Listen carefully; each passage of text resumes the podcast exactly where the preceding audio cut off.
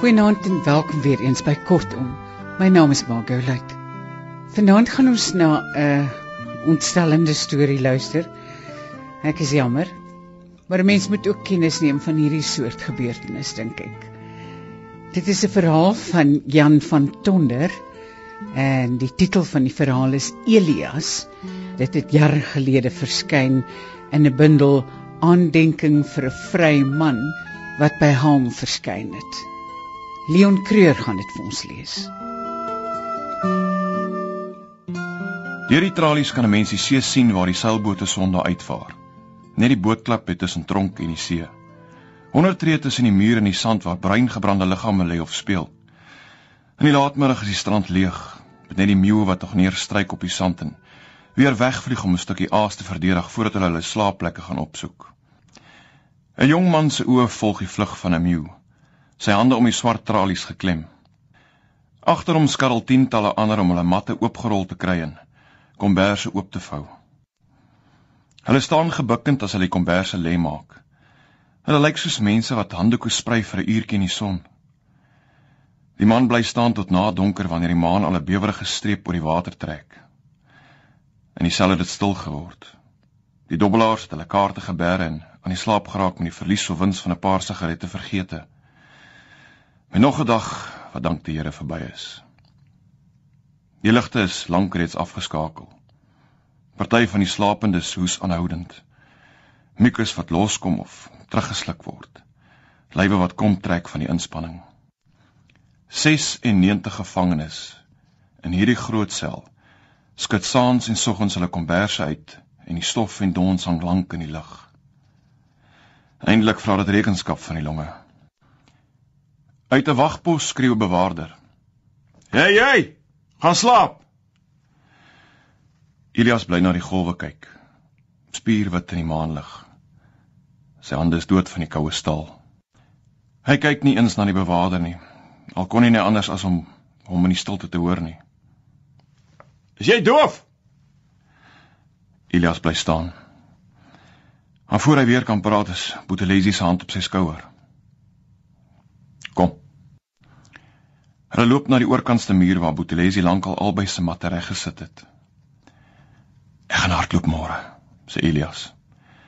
Die uitdrukking op sy gesig verander nie. Naby die deur het 'n bejaarde indier opgestaan en hy begin sy versigtige tog na die ander punt van die lang vertrek. Hy volg stadig, want hy moet oor talle liggame tree in die lig van die sekuriteitslampe wat streeprig deur die tralies val. Jy kan nie nou meer aan hardloop dink nie, sê Boetelesi nog net 'n maand en dan kan jy in jou eie klere voor by die hek uitloop. 4 jaar se sit nou wil staan en wegsmyt. Hy was bang hiervoor. Hy het gesien hoe ontsteld Elias was na vanmiddag se ondersoek. Hy het gebid teen die dag omdat hy geweet het wat dit aan Elias sou doen. "Sien jou vanaand?" skreeu Elias oor sy skouer voor op die vragmotor se bak klim saam met die ander mans in sy span. Hulle gaan elke dag astrokke by die dokke aflaai en skoonmaak. Boetelesi is in 'n werkspan wat die gevangenisterrein netjies hou en die personeel op die terrein se tuine versorg. Hy waai vir Elias sy broer hier in die tronk. Want familie het hy nie. Nie 'n vrou of kind of kraai nie. Boetelesi verkies dit om buite in die son te werk en grond en plante teen sy vel te voel want binne die mure is dit net beton. Teen die middag spit hy sy ore vir die dreuning van die vragmotors wat die spanne terugbring. En Elias doen sy werk met sweet op sy blaaie en spiere wat onder die valgroen uniform span wanneer die graaf vol as geswaai word. Hy dink in die laaste tyd baie aan die min tyd wat daaroor is. My glimlag as hy dink aan huis toe gaan, maar daarmee saam weet hy moet hy vir Boetelesi groet. Langs een van die trokke het 'n gevangene 'n vuurtjie aan die gang gekry en is besig om rou grondbone in sy graaf oor die vlamme gaar te maak. Elias kan die grondbone al ruik. Hy sien die bewaardere, middeljarige man met 'n mond wat oop hang en 'n 303 in sy hande naderkom. Hy is een van die tydelike bewaarders wat aangestel word om spanne op te pas en het nie 'n uniform aan nie. Hy grynslag vir die hurkende werker met die graaf. Waar kry dit? Hy druk die loop van die geweer in die grondbone. Hy weet dat die gevangene dit tussen die rommel opgetel het. Uh hier agter Makosi. Is jy lus daarvoor? Ek is Makosi. Die man met die grein skop skielik met sy steel teen die graaf. Die halfgaar grondbone word verstrooi in die as. Hy loop lagend weg van die man met die leë graaf. Elias kyk hom agterna. Druk dan sy graaf driftig in die as in. Hy is nog ontsteld wanneer hy by die gevangenes van die vragmotor afklim. Hy wil by Boetelesi kom, want hy sal weet wat om te sê om hom te kalmeer. In die binneplaas trek hy werktuiglik sy klere uit elke dag kaal vir die bewakers sodat hulle elke kledingstuk behoorlik kan bevoel om smokkelgoed te vind. Dit help nie om daarteen in opstand te kom nie. Dis die prys wat hy en almal moet betaal om in 'n werkspan uit te gaan, weg van die vervloekte gebou af. Hoe te lees sien Elias staan. Kyk weg. Want hy weet hoe Elias voel oor hierdie kwetsbaarheid. Die werkspanne bring verreweg die meeste smokkelware uit tronk in. Dagga, geld, kos wat hier onverkrygbaar is. 'n Goeie smokkelaar kan magtig word in die tronk. Hy kan mense omkoop, 'n laaitjie aanhou of 'n bende op die been bring. Elke dag die visentering. Right. Aan 'n Sergeant breed beduie met sy arms omhoog. Kom, kom, kom. Boetelesi kan dit nie glo nie. Nou hy begin glo dat sy gebede verhoor is. Hy staan magteloos en kyk. sien Elias se vraande oë, sy vuiste bal agter sy rug. Hy sien hoe die span kaalmans na die hospitaaltjie gemarseer word, waar ordonnanse met rubberhandskoene gereed staan. Dis die eerste keer dat dit met Elias gebeur. Hy weet wat wag. Hy het geweet hy loop die risiko as hy in 'n span is. Maar tog Elke hoe lank word spanlede inwendig ondersoek as hulle van buite af inkom. Teenvoete vir 'n baie ou smokkeltegniek. Elias dink aan sy jong vrou. Amazolo no meer. Dou. Wat hoe so blank. Hy's bly hulle kyk nou na hom. Of sy vader wat in die trustgebied van Tugela Ferry woon en byna dood is van skok toe Elias tronk toe gestuur is. Skande by familie getref het. Versant breed loop agter die groep aan.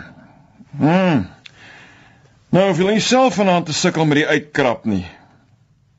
Hy lag bulderend. Sergeant hou nie van Elias nie. Elias se reguit skouers hinder hom.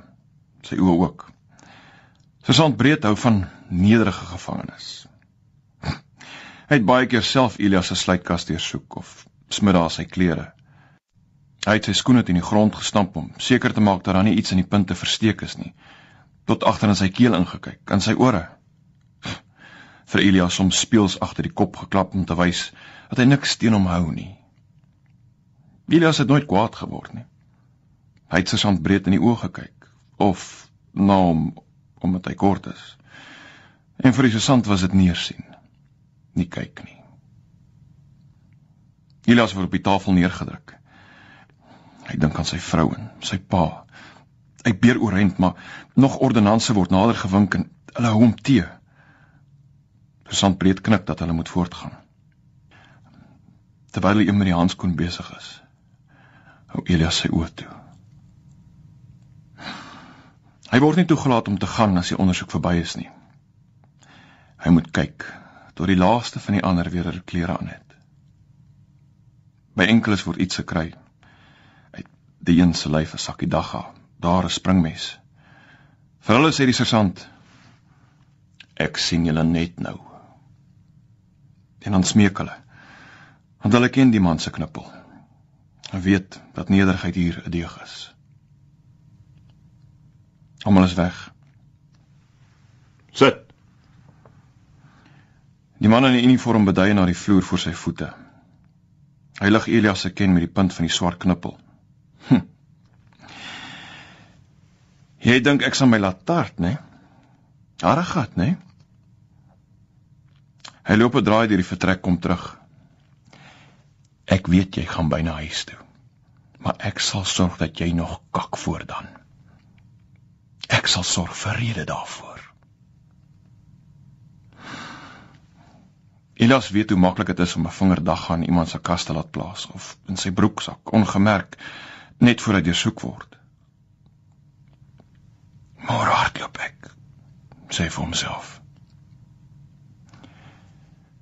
Botelesi rol tydsame sigaret. Met 'n stukkie vuurslag van hou aansteker teen 'n skeermeslemmetjie krap hy 'n vonk oor 'n stukkie dons. Die dons begin gloei. As Botelesi saggies blaas, vlam dit. Hy suig aan die natgelekte sigaret en rook trek deur die tralies na buite. Jy moenie hardloop nie. Dis wat hy wil hê, sê hy. Jy weet hoe hy kan slaan as een gevang word. Jy sal nie rus nie. Hulle sal nie jou soek. Daar sal 'n wa langs jou stop en jy sal nie pas sien nie en hulle sal jou weer hiernatoe terugbring. Elias gaan saam met die span uit en nog voormiddag eet hardloop hy. Die wag skiet 'n slag in die lug en lê dan aan oor 'n koppelstuk van 'n trok. Elias verdwyn voordat hy die tweede skoot kan aftrek.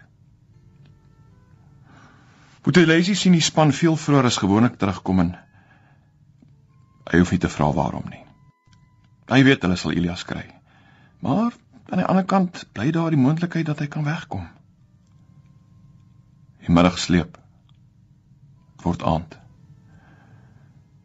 Boetelesi hoor by Elias se spanlede wat gebeur het. Hy lê later en luister na die meeu wat nie tot rus kan kom nie.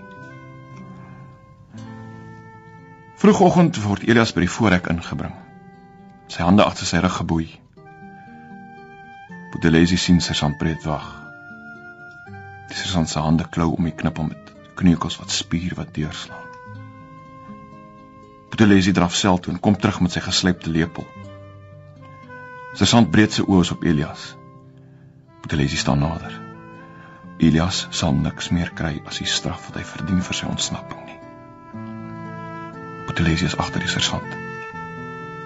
Hy sal doodseker maak dink hy.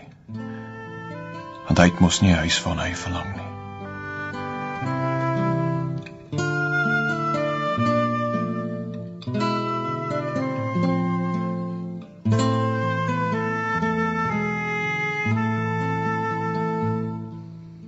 Dit was Leon Creur se voorlesing van Jan van Tonder se verhaal Elias wat by Haam verskyn het in 'n bundel aandenking vir 'n vryman. Wat my Margolite alles van die aller aller allerbeste. Tot volgende keer. Mag dit met ons almal goed gaan. Totsiens.